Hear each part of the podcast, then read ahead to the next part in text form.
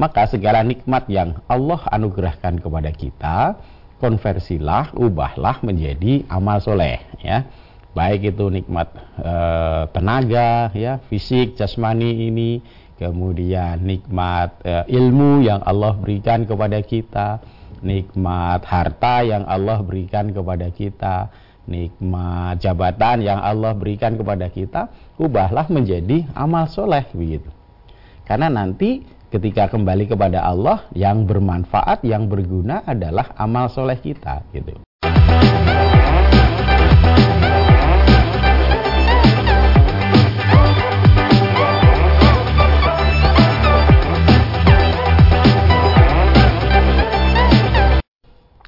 Bismillahirrahmanirrahim Assalamualaikum warahmatullahi wabarakatuh Saudara pemirsa channel terpilih MTA TV di mana pun anda berada Puji syukur Alhamdulillah Senantiasa kita panjatkan kehadirat ilahi Rabbi Allah subhanahu wa ta'ala Atas kenap karunia nikmat dan juga rahmatnya untuk kita semua Di perjumpaan awal aktivitas pagi hari ini Kita jumpa kembali di program unggulan Fajar Hidayah Dan sudah hadir di sebelah kiri saya Ustadz Dr. Insinyur Didi Joko Susilo SDMT IPM yang nanti akan melanjutkan pelajaran sekaligus memberikan pencerahan untuk kita semua di kesempatan kali ini. Assalamualaikum warahmatullahi wabarakatuh Ustaz. Waalaikumsalam warahmatullahi wabarakatuh. Kabar baik dan sehat pagi ini Ustaz? Alhamdulillah sehat. Alhamdulillah sehat juga. Baik dan sehat. Alhamdulillah ya. Dan pemirsa nanti bisa bergabung bersama kami di line telepon 02716793000, SMS dan juga di WA kami di 08 11 255 3000. Kita simak pelajaran kita pagi ini. Baik, bismillahirrahmanirrahim. Alhamdulillah alladzi arsala rasulahu bil huda wa dinil haq liyudhhirahu ala dini kulli walau karihal musyrikun. Asyhadu an la ilaha illallah wahdahu la syarikalah wa asyhadu anna Muhammadan abduhu wa rasuluh. Allahumma salli wa sallim wa barik ala Muhammad wa ala alihi wa ashabihi ajmain. Amma ba'du para pemirsa MTA TV, pendengar Persada FM, kaum muslimin, muslimat yang insya Allah dirahmati Allah Subhanahu wa Ta'ala. Pertama tentu mari senantiasa kita memanjatkan rasa syukur kita kehadirat Allah Subhanahu wa taala. Pada pagi hari ini Allah pertemukan kita lagi pada satu acara yang insya Allah dirahmati Allah Subhanahu wa taala karena melalui acara ini kita bersama-sama berusaha untuk mengingat petunjuk-petunjuk Allah Subhanahu wa taala, memikirkan petunjuk-petunjuk Allah Subhanahu wa taala yang kemudian mudah-mudahan menjadikan tekad kita, semangat kita untuk senantiasa hidup menurut petunjuk Allah Subhanahu wa taala menjadi semakin kuat ya. Paling tidak pada hari ini kita berazam untuk uh, kehidupan yang akan kita jalani, kita ikhtiarkan, kita usahakan untuk berada pada jalan-jalan yang dituntunkan oleh Allah Subhanahu wa taala, ditunjukkan, dicontohkan oleh Rasulnya Nabi Muhammad sallallahu alaihi wasallam. Seolah dengan demikian mudah-mudahan hari demi hari ya, waktu demi waktu yang kita jalani kita senantiasa berada dalam keadaan senantiasa tunduk patuh dalam keadaan senantiasa berserah diri kepada Allah Subhanahu wa taala. Sehingga pada ketika saatnya kita kembali kepada Allah Subhanahu wa taala, mudah-mudahan kita kembali dalam keadaan berserah diri kepada Allah Subhanahu wa taala. Karena setiap aktivitas kita kita usahakan untuk mengikuti petunjuk-petunjuk Allah Subhanahu wa taala dengan segenap kemampuan kita kita berusaha untuk melaksanakan segala perintah Allah Subhanahu wa taala. Kemudian pada saat yang sama kita berikhtiar untuk menjauhkan diri dari hal-hal yang dilarang oleh Allah Subhanahu wa taala.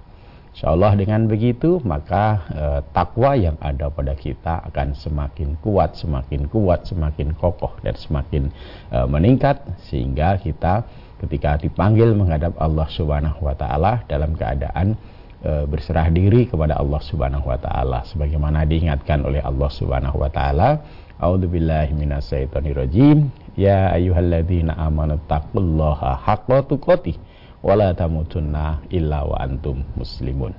Hai orang-orang yang beriman bertakwalah kamu kepada Allah dengan takwa yang sebenar-benarnya dan janganlah sekali-kali kamu mati melainkan uh, dalam keadaan berserah diri kepada Allah Subhanahu wa taala. Maka ketika pada pagi hari ini Allah masih bangunkan kita lagi, maka uh, hakikatnya kita masih uh, harus berjuang, harus istiqomah menghadapi segala problem, segala ujian yang datang dalam kehidupan kita. Yang nanti kemudian uh, endingnya adalah atau akhirnya adalah ketika kita kembali kepada Allah, apakah kita sukses menghadapi ujian-ujian tersebut? Nah, suksesnya kita tentu ketika menghadapi ujian-ujian tersebut, kita senantiasa berada dalam ketaatan kepada Allah Subhanahu wa taala. Nah, oleh karena itu, eh, setiap kita bangun pagi begitu, maka mari kumpulkan tekad ya, kumpulkan semangat, eh, niat untuk senantiasa berbuat kebaikan, untuk senantiasa berada dalam amal-amal kebaikan, ketaatan kepada Allah Subhanahu wa taala. Dengan tentu segala potensi yang Allah Subhanahu wa taala berikan kepada kita. Karena memang Allah perintahkan untuk itu. Sebagaimana firman Allah, "Wabtaghi fi ma atakallahu daral akhirah" gitu. Dan carilah pada apa yang Allah anugerahkan kepadamu. Pada nikmat yang Allah berikan kepadamu ya darul akhirah. Kesenangan kebahagiaan negeri akhirat. Tentu ketika kita bicara negeri akhirat nanti yang bermanfaat yang berguna yang e, nanti akan kita bawa sampai negeri akhirat adalah amal soleh kita gitu ya perbuatan baik kita yang nanti akan uh, menjadi penyelamat kita baik ketika kita berada di alam kubur atau nanti ketika kita dibangkitkan lagi oleh Allah Subhanahu wa taala di hari kiamat begitu. Maka segala nikmat yang Allah anugerahkan kepada kita konversilah, ubahlah menjadi amal soleh ya. Baik itu nikmat e, tenaga ya, fisik, jasmani ini, kemudian nikmat e, ilmu yang Allah berikan kepada kita, nikmat harta yang Allah berikan kepada kita, nikmat jabatan yang Allah berikan kepada kita, ubahlah menjadi amal soleh begitu. Karena nanti ketika kembali kepada Allah yang bermanfaat, yang berguna adalah amal soleh kita gitu. Sebagaimana Nabi SAW juga mengingatkan gitu bahwa ketika seseorang meninggal ya kemudian menjadi jenazah, menjadi mayit, maka dia diikuti oleh tiga perkara gitu. Ya.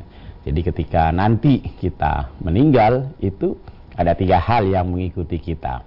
Ahluhu, wa maluhu, wa amaluhu gitu kan.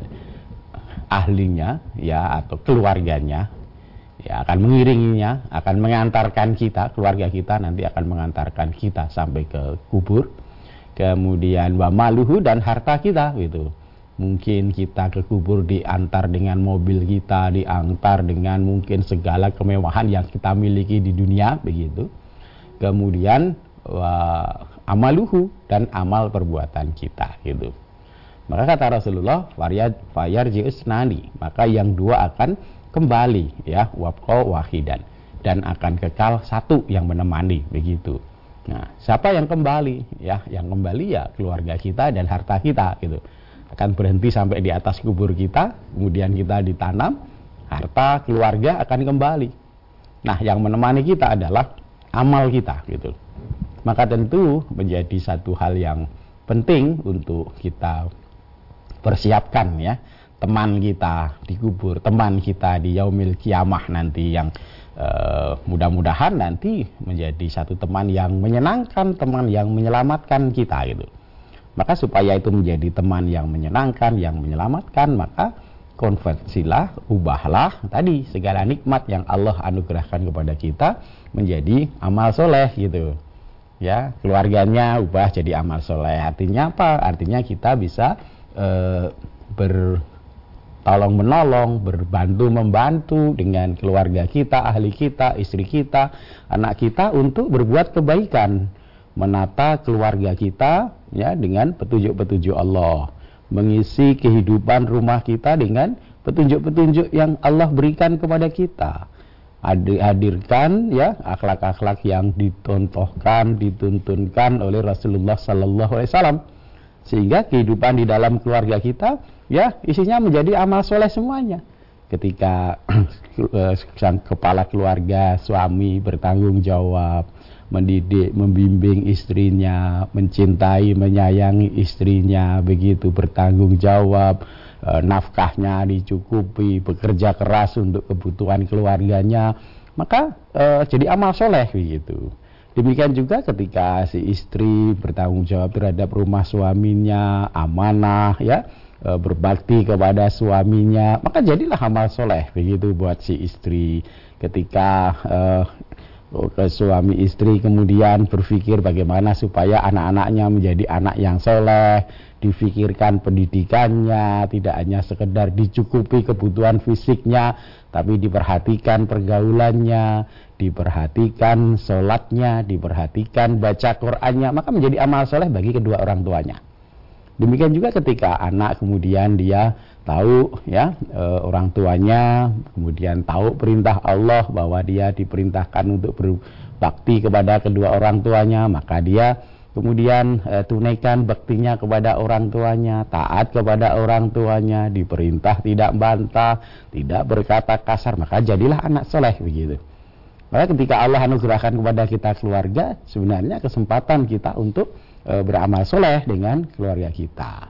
Demikian juga ketika Allah karuniakan kepada kita ya, kecukupan harta ya. Ketika dalam keduniaan ini Allah jadikan e, rizki kita cukup untuk memenuhi kebutuhan kita maka kemudian jadikanlah ya harta itu menjadi amal soleh. Kita tunaikan zakatnya kita keluarkan infaknya kita gunakan untuk nolong saudara kita kita gunakan untuk membantu tetangga kita dan seterusnya maka insya Allah hartanya juga nanti akan menjadi amal soleh yang insya Allah akan membawa manfaat ketika kita kembali ya kepada Allah Subhanahu wa taala begitu. Dan segala hal nikmat yang Allah anugerahkan kepada kita. Nah, tentu kemudian ya, apa yang kita uh, peroleh, apa yang kita terima dari Allah Subhanahu wa taala di antara kita mungkin berbeda-beda begitu. Ada yang diberi banyak, apa yang diberi cedeng, ada yang diberi sedikit gitu.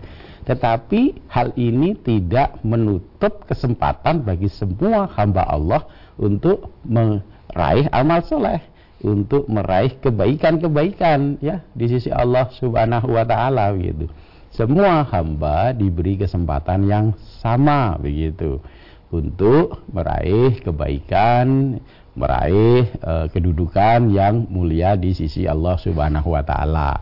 Tentu dengan nikmat ya, segala nikmat yang Allah anugerahkan kepada uh, kita ini yang memang kadarnya berbeda-beda. Allah tentu uh, Maha tahu ya uh, seberapa yang tepat, seberapa yang uh, pas bagi seorang hamba.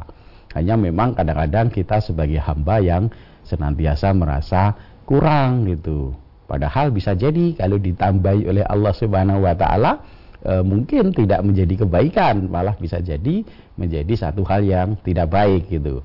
Maka e, Rasulullah Sallallahu alaihi wasallam menuntunkan kita kaitannya dengan e, nikmat harta itu senantiasa bersikap konaah gitu.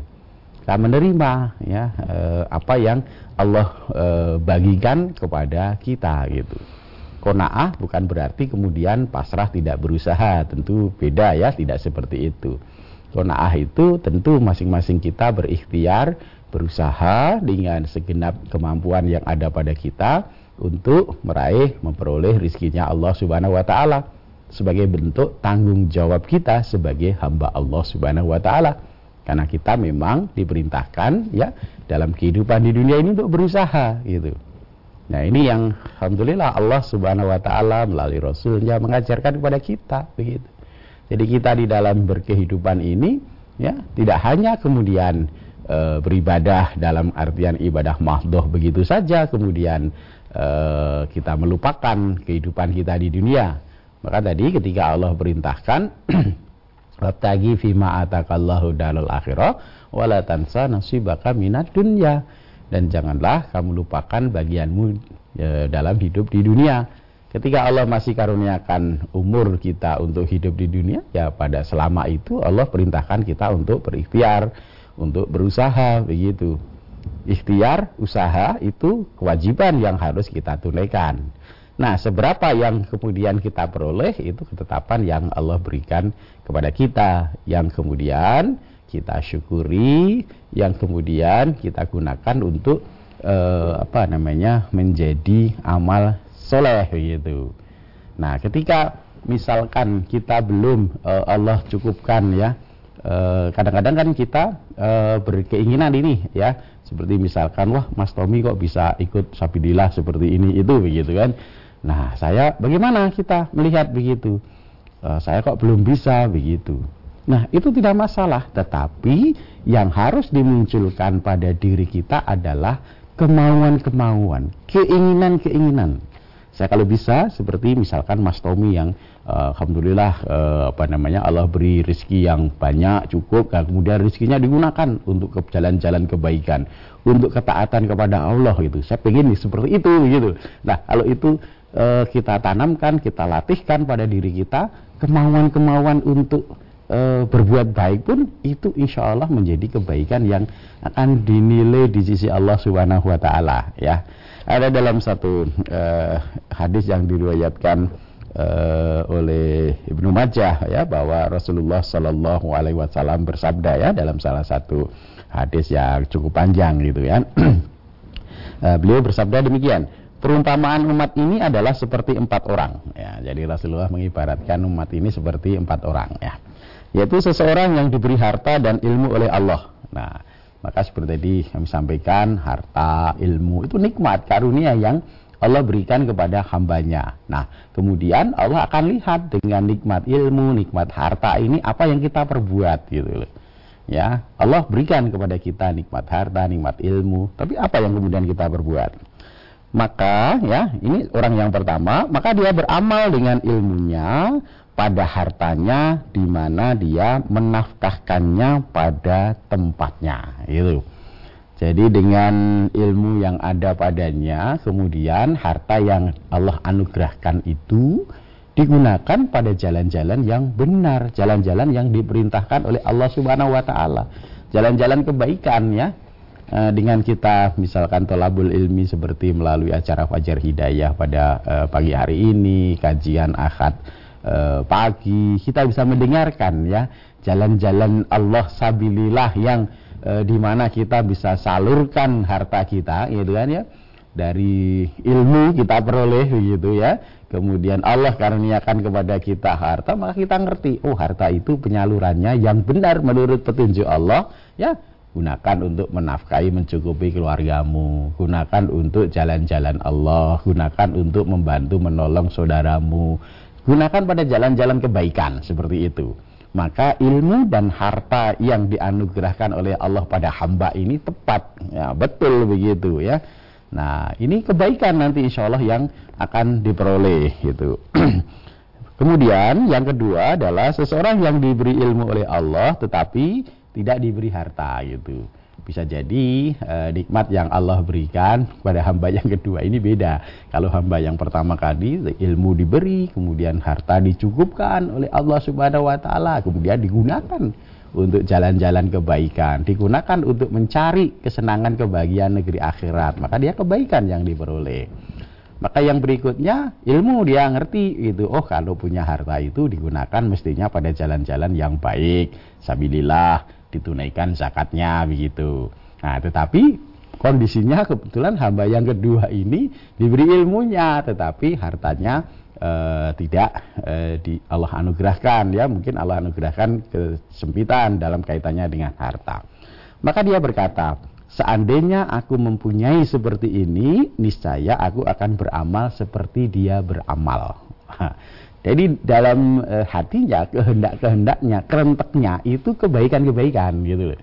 Jadi ketika misalkan e, dia melihat saudaranya, misalkan mungkin ya e, di kalau kajian kita di ahad ahad pagi begitu selesai kajian itu kan disampaikan e, saudara-saudara kita yang ikut andil visabilillah di kaitannya dengan pembangunan pondok kita begitu. Nah kita ngerti bahwa andil visabilillah itu satu kebaikan begitu. Kita tahu ilmunya bahwa salah satu e, penyaluran harta yang insya Allah menjadi berkah itu ketika kita salurkan di jalan Allah. Tetapi pada saat ini kita belum belum dikaruniai oleh Allah kecukupan harta gitu barangkali seperti itu. Nah masalah. Tetapi yang harus kita lakukan adalah kuatkan tekad ya semangat untuk kita Insya Allah kalau Allah uh, anugerahkan kepada kami saya kecukupan rezeki saya juga ikut akan ambil bagian visabilillah seperti si fulan seperti Mas Tommy dan seterusnya begitu. Nah kalau itu ya kondisi kita seperti ini Rasulullah Sallallahu Alaihi Wasallam bersabda keduanya sama pahalanya. Jadi nilainya sama begitu. Jadi ini uh, kemurahan rahmat kasih sayang yang Allah berikan kepada hambanya begitu. Maka tadi saya sampaikan bahwa Allah buka kesempatan yang sama bagi kita semua hambanya untuk meraih kebaikan di sisi Allah begitu loh. Jadi baik yang Allah berikan karunia kecukupan ilmu rizki begitu. Atau yang mungkin e, rizkinya Allah sempitkan. Tetapi dalam kesempitan rizkinya dia tetap berazam tetap berkemauan untuk melakukan kebaikan-kebaikan gitu loh. Maka ini niat-niat untuk berbuat baik, semangat-semangat berbuat baik ya. Kalau bahasa sekarang itu bahasa-bahasa positif ya begitu ya. Kemauan-kemauan yang isinya kebaikan-kebaikan positif-positif itu gelorakan terus dalam jiwa kita, gitu, semangat kita. Nah, ini oleh Allah diberi kebaikan begitu. Keduanya pahalanya sama begitu. Jadi dua golongan ini baik ini di sisi Allah Subhanahu wa taala itu. Nah, kemudian yang ketiga, seseorang yang diberi harta oleh Allah dan tidak diberi ilmu gitu. Nah, ini uh, Allah dalam kehidupan di dunia karuniakan uh, harta pada seseorang, tapi dia tidak paham begitu ya. Harta ini digunakan untuk apa begitu? Nikmat yang Allah anugerahkan kepada kita yang berupa harta itu e, jalan penyalurannya ke mana? Tidak ngerti ini gitu loh. Akhirnya digunakan pada jalan-jalan yang tidak pada tempatnya malah kadang-kadang digunakan pada jalan-jalan yang bermaksiat kepada Allah Subhanahu wa taala gitu loh. Allah beri dalam kehidupan dunia ini pada seorang hamba kelebihan berupa harta gitu. Tetapi malah digunakan untuk misalkan pemenuhan hawa nafsu. Malah digunakan untuk menguatkan jalan-jalan yang dilarang oleh Allah Subhanahu wa taala, misalkan ya, menguatkan e, perkumpulan minum homer misalkan seperti itu kan dilarang oleh Allah Subhanahu wa taala malah menyuburkan pergaulan bebas misalkan seperti itu malah dilarang oleh Allah Subhanahu wa taala. Nah, ada dia harta tetapi digunakan untuk hal-hal seperti itu, untuk bermaksiat kepada Allah Subhanahu wa taala begitu. Nah, ini tentu uh, kondisi yang jelek ini, kondisi yang uh, dosa yang harus kita hindarkan. Nah, kemudian yang keempat ya, seseorang yang tidak diberi harta dan juga tidak diberi ilmu oleh Allah gitu. Ya, ya hartanya juga pepet ya, cupet ya, tidak mampu begitu. Kemudian ilmunya juga malah yang ber, ya, ditumbuhkan dalam dirinya kehendak aku saya kalau punya harta, punya uang, nanti saya akan mah maksiat kayak begitu kan gitu, akan memperturutkan hawa nafsunya begitu. Nah, seperti itu. Kalau itu keadaannya, maka Rasulullah SAW bersabda, maka keduanya sama dosanya. Gitu. Maka kaum muslimin muslimat rahimahullah yang perlu kita uh, apa namanya ambil pelajaran dari sini satu segala nikmat yang Allah anugerahkan kepada kita ayo jadikanlah nikmat itu menjadi amal soleh gitu nikmat berupa ilmu nikmat berupa harta nikmat berupa tenaga gunakan uh, pada jalan-jalan yang dituntunkan oleh Allah dan Rasulnya artinya nanti menjadi amal soleh yang akan bermanfaat bagi kehidupan kita di akhirat kelak. Nah, ketika kemudian uh, Allah misalkan belum uh, berikan kecukupan tadi nikmat harta gitu seperti kita tadi yang di golongan yang kedua, maka uh, kita wajib untuk menguatkan ya semangat, kemauan, kehendak kita untuk beramal soleh berbuat kebaikan. Jadi yang ada dalam e, benak kita ya keinginan-keinginan berbuat baik terus, berbuat baik terus. Kalau Allah karuniakan begini, saya akan lakukan kebaikan ini. Kalau Allah e, beri nikmat ini, saya akan lakukan kebaikan. Nah, mudah-mudahan dengan begitu, ketika Allah berikan betul nikmat ya e, pada kita, misalkan harta, betul-betul kita e, gunakan untuk jalan-jalan kebaikan. Meskipun tadi digembirakan oleh Allah, itu saja kita sudah memperoleh kebaikan. Baik, saya kira itu mudah-mudahan bisa mengingatkan kita semuanya.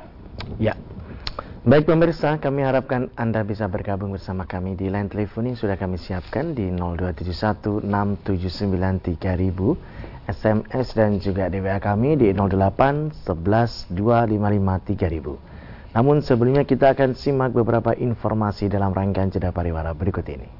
Baik, saudaraku pemirsa channel terpilih Amda TV di mana pun Anda berada, terima kasih Anda masih setia bersama kami, khususnya di program unggulan Fajar Hidayah pagi ini. Kesempatan pertama kami persilakan di line telepon 679 3000 untuk bisa bergabung. Halo, Assalamualaikum. Halo, Assalamualaikum. Halo, Assalamualaikum.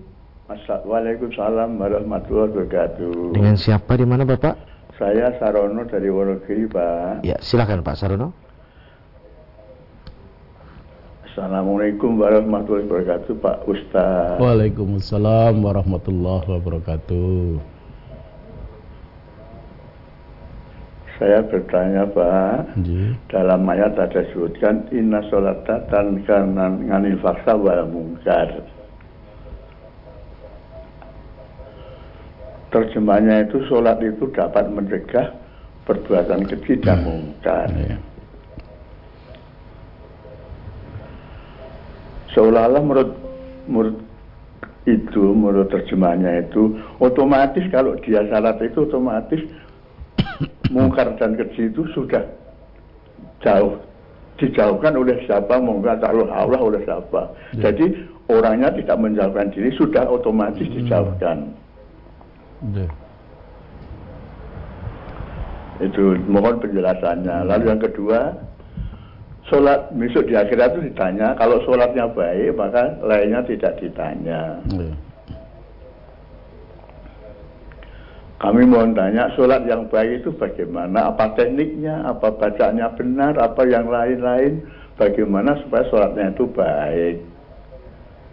Ya, ya baik. Demikian terima kasih Pak atas jawaban Matur Nuwun mungkin Nyona punten sedaya kalepatanipun. Assalamualaikum warahmatullahi wabarakatuh. Waalaikumsalam warahmatullahi wabarakatuh. Jadi eh, tadi Bapak sampaikan di Quran surat Al-Ankabut ayat 45 ya, begitu firman Allah Subhanahu wa taala, "Inna solata tanha anil fahsya'i wal munkar." Sesungguhnya solat ini bisa mencegah dari perbuatan keji dan mungkar itu. Apakah otomatis? Begitu. Nah kalau otomatis kita lihat ya di ketika orang sholat masih cukup banyak juga yang melakukan perbuatan keji masih banyak perbuatan mungkar orang sholat masih banyak yang pulang bawa sandalnya orang lain gitu kan orang sholat masih banyak yang mencuri e, harta yang tidak haknya orang sholat masih banyak yang berzina nah tentu e, ini yang e, tadi misalkan oh otomatis kalau sudah sholat itu Allah meng otomatis kan dia tercegah. Bukan begitu gitu. Di ayat itu kan disebutkan ya, inna solata tanha anil faksa wal mungkar wala dzikrullahi akbar ya. Sesungguhnya solat itu mencegah dari perbuatan keji dan mungkar dan sesungguhnya mengingat Allah solat itu ya. Jadi solat itu mengingat Allah gitu kan. Ya, mengingat Allah itu Rob kita, Tuhan kita, maha melihat, maha mencatat, maha membalas, itu kan, maha memperhatikan, seperti itu gitu. Sehingga semua kebaikan-kebaikan kita akan dicatat, dibalas oleh Allah dengan kebaikan. Demikian juga keburukan-keburukan kita, maksiat-maksiat kita, pelanggaran-pelanggaran kita terhadap aturan-aturan Allah itu akan dibalas juga oleh Allah. Dan perlu dipahami juga bahwa Allah itu selain punya sifat maha rahman, maha kasih sayang, maha pengampun, Allah juga siksanya sangat pedih begitu. Ya. Allah hukumannya sangat berat begitu, seperti itu. Nah, sehingga dengan memahami kondisi ini, ketika seseorang itu sholat, ketika dia tundukkan dirinya, ya, fisiknya, mukanya mungkin muka kita itu yang paling mulia ya, kemuliaan kita ada di wajah kita. Kemudian kita tundukkan di hadapan Allah Subhanahu wa taala. Maknanya adalah pengakuan kita bahwa Allah yang maha besar, Allah yang maha mulia, ya, Allah yang maha uh, agung begitu. Kita ini bukan apa-apa begitu. Kalau kita tidak punya kekuatan apa-apa kok sombong sehingga kemudian berani melanggar aturan-aturan Allah berani melanggar larangan-larangan Allah begitu. Nah ini yang e, kemudian nanti bisa mencegah kita dari perbuatan keji dan mungkar. Kalau misalkan kita tergoda untuk misalkan melakukan e, pergaulan bebas, kita ingat bahwa saya orang yang sholat, saya hambanya Allah, pergaulan bebas dilarang oleh Allah Subhanahu Wa Taala gitu. Maka saya tinggalkan. Mau mengambil sesuatu yang bukan hak kita, ingat saya orang yang sholat, saya hambanya Allah, saya ingin kemuliaan di sisi Allah. Maka kalau saya melakukan ini saya tidak jadi mulia di sisi Allah, maka tinggalkan. Nah, seperti itu Bapak. Kalau kita bisa menghadirkan itu terus, apalagi ketika kita tadi kaitannya dengan sholat yang bagus, ketika kita bisa bersikap ihsan di dalam sholat, itu insya Allah sholat kita bagus. Ya, ihsan itu dijelaskan oleh Rasulullah Sallallahu Alaihi Wasallam dalam sebuah hadis, antak budallah karena tarohu Fa'ilam takun tarohu fa'inahu yaroka. Iksan itu kamu menghambakan diri kepada Allah. Kamu beribadah kepada Allah seolah-olah kamu melihatnya. Coba bayangkan ketika kita beribadah di hadapan kita, di depan kita adalah Rob kita yang menciptakan kita, Raja kita, penguasa kita begitu, yang memiliki kita.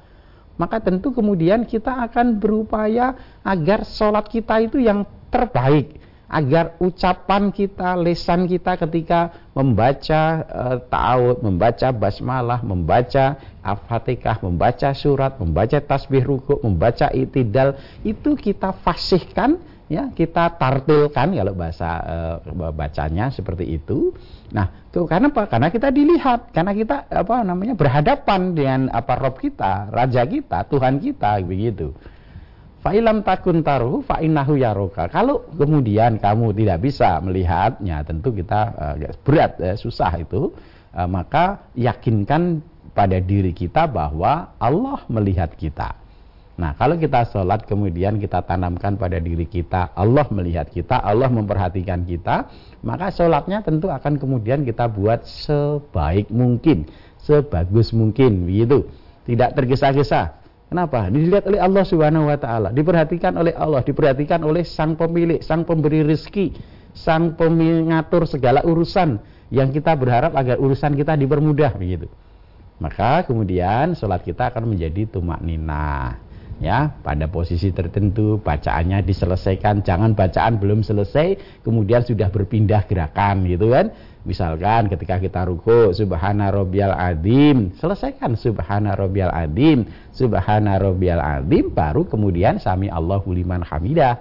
Itidal, Robana walakal hamdu. Selesaikan Robana walakal hamdu, baru kemudian sujud. Nah, di banyak kejadian kita sami Allahu liman hamidah itu kita lakukan ketika kemudian kita baca tasbih rukuknya belum selesai. Subhana rabbiyal adimnya sambil ngangkat. Nah seperti itu. Itu tentu e, menjadi tidak khusyuk gitu. Jadi kalau kita ingin bagus sholatnya sholat yang bagus bagaimana? Ya yang khusyuk gitu. Kemudian dikaitkan dengan e, hadis Nabi SAW bahwa nanti awalu ma yuhasabu bihil abdu as-sholah. Jadi nanti yang mula-mula dihisap dari seorang hamba itu adalah sholatnya.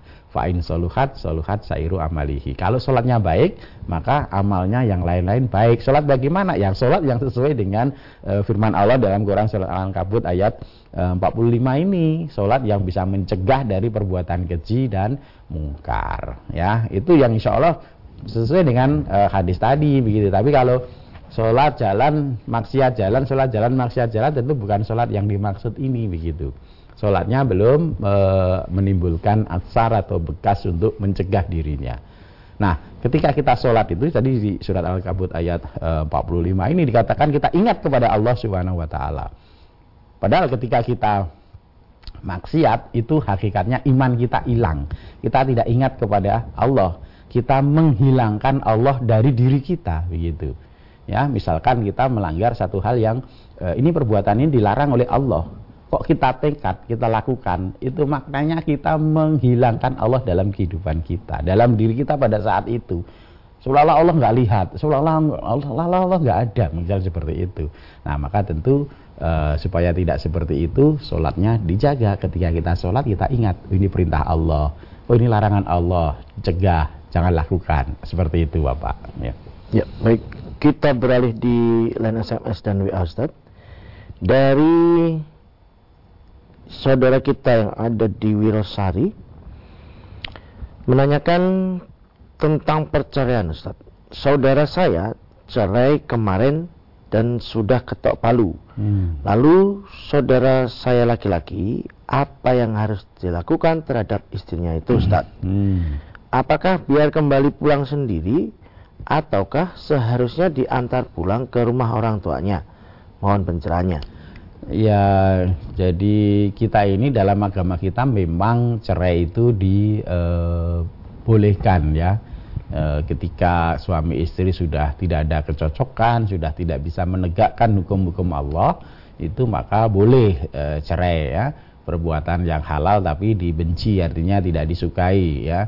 E, mestinya sebelum cerai ada proses untuk e, apa namanya islah, dimusyawarahkan, panggil hakim dari pihak laki-laki, pihak perempuan untuk merukunkan lah seperti itu. Tapi ini sudah ketok palu, sudah cerai. Nah tentu ketika kita berpisah ya berpisahlah dengan cara yang ma'ruf, dengan cara yang baik gitu kan. Uh, tentu uh, cara yang ma'ruf itu bukan berarti kemudian apa namanya uh, uh, tidak ada uh, gil ya, mesti karena bercerai mesti ada gil ada masalah. Tetapi harus di uh, secara lahiriah ditunaikan secara baik-baik misalkan tadi suami istri bercerai. Nah, tentu di sana ada hak-hak yang harus e, diketahui begitu. Ketika misalkan diketok cerai, cerai itu ketika e, apa namanya? E, ada bagi istri itu ada namanya masa idah gitu kan gitu. Nah, ketika masa idah itu istri boleh tetap tinggal di rumah suaminya, seperti itu, boleh gitu. Ya, maka maka jangan seperti tadi idenya tadi itu ya, apa kemudian suruh pulang sendiri? Ya, misalkan di Eh, karena menikah itu kan juga tidak hanya menghubungkan suami istri saja, tapi di antara dua keluarga itu. Karena dari pernikahan itu juga muncul, misalkan tadi sudah punya anak, ada anak-anak yang menjadi cucu dari kakek nenek dari pihak laki-laki, kakek nenek dari pihak perempuan, begitu. Itu mesti ada kaitannya di sana. Maka e, lakukan dengan e, makruf dengan baik. Kalau memang sudah tadi bercerai, e, misalkan keluarga juga diberi tahu, dipahamkan, gitu. Kemudian uh, istri juga diantarkan, diantarkan ke rumah orang tuanya seperti itu. Nah, kemudian tentu juga ada masih ada kaitannya dengan kalau di dalam apa namanya rumah-rumah kita kan harta yang apa namanya menjadi harta bersama. Gono gini juga jangan suami kemudian dikuasai semua gitu istri juga dia untuk melanjutkan kehidupannya juga tentu harus di, e, diberikan bagian dari e, harta gonogini yang menjadi bagian dari istri seperti itu ya. Jadi e, lakukan dengan cara yang e, ma'ruf yang yang baik. Kalau memang toh harus berpisah, bercerai ya bercerai dengan cara yang ma'ruf. Demikian ya. Ya. Baik Ustaz, kami sampaikan terima kasih atas pelajarannya di kesempatan pagi ini Ustaz. Assalamualaikum warahmatullahi wabarakatuh. Waalaikumsalam warahmatullahi wabarakatuh. Baik saudara ke pemirsa channel terpilih MTA TV di mana pun Anda berada. Demikian tadi telah kita simak dan itu bersama program unggulan Fajar Hidayah pagi ini. Kita jumpa kembali di kesempatan mendatang dan saya Tommy Al-Fatani pamit undur. Alhamdulillahirrahmanirrahim. Subhanakallahumma wa bihamdika. Asyadu ala ilaha illa anta astaghfiruka wa Assalamualaikum warahmatullahi wabarakatuh.